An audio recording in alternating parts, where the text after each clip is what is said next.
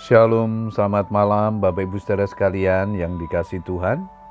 Kita bersyukur kepada Tuhan kembali malam hari ini berkesempatan untuk berdoa dengan keluarga kita setelah sepanjang hari ini kita menikmati segala kebaikan Tuhan. Malam hari ini sebelum berdoa saya akan membagikan firman Tuhan yang diberikan tema banyak memberi, banyak berkat. Ayat mas kita di Amsal 11 ayat yang ke-25. Firman Tuhan berkata demikian.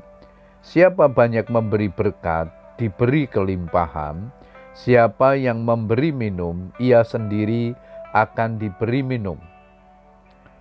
Bapak Ibu Saudara sekalian sudah menjadi sifat alamiah manusia jika manusia itu sering hanya mau menerima atau mendapat tetapi tidak mau kehilangan atau memberi.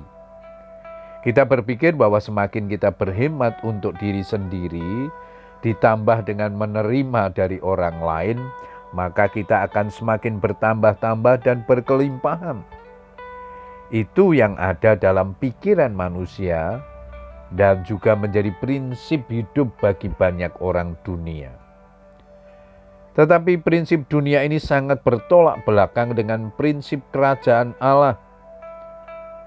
Yesaya 55 ayat yang ke-8 dan 9 di sana dikatakan, Sebab rancanganku bukanlah rancanganmu, dan jalanmu bukanlah jalanku. Demikianlah firman Tuhan. Seperti tingginya langit dari bumi, demikianlah tingginya jalanku dari jalanmu, dan rancanganku dari rancanganmu. Amsal 11 ayat 24 dikatakan ada orang yang menyebar harta tetapi bertambah kaya, ada yang menghemat secara luar biasa namun selalu berkekurangan.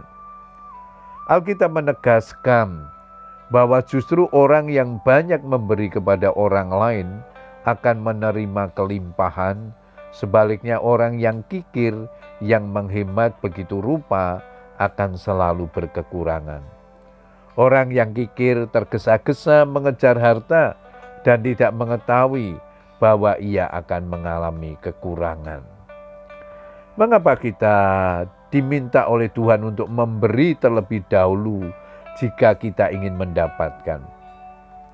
Karena ini adalah perintah Tuhan dan selalu ada upah bagi mereka yang taat melakukan perintah Tuhan. Yohanes 15 ayat yang ketujuh, Jikalau kamu tinggal di dalam aku dan firmanku tinggal di dalam kamu, mintalah apa saja yang kamu kehendaki dan kamu akan menerimanya. Jika kita ingin mendapatkan sesuatu, kita harus rela kehilangan.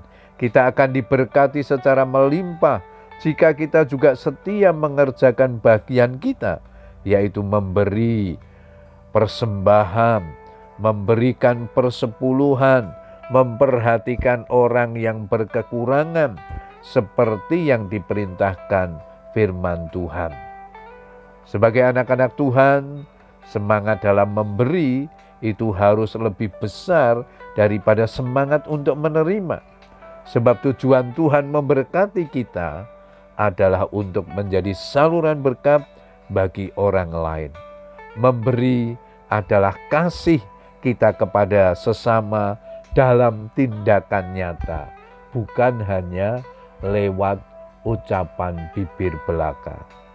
Jika kita rela melepaskan apa yang ada di dalam tangan kita, maka Tuhan juga rela untuk melepaskan apa yang ada di tangannya bagi kita orang yang percaya. Puji Tuhan, saudara sekalian, biarlah kebenaran firman Tuhan ini memotivasi kita untuk belajar memberi bagi pekerjaan Tuhan, memberi bagi sesama kita yang membutuhkan seperti yang diperintahkan oleh Tuhan. Banyak memberi akan menerima banyak berkat. Selamat berdoa dengan keluarga kita.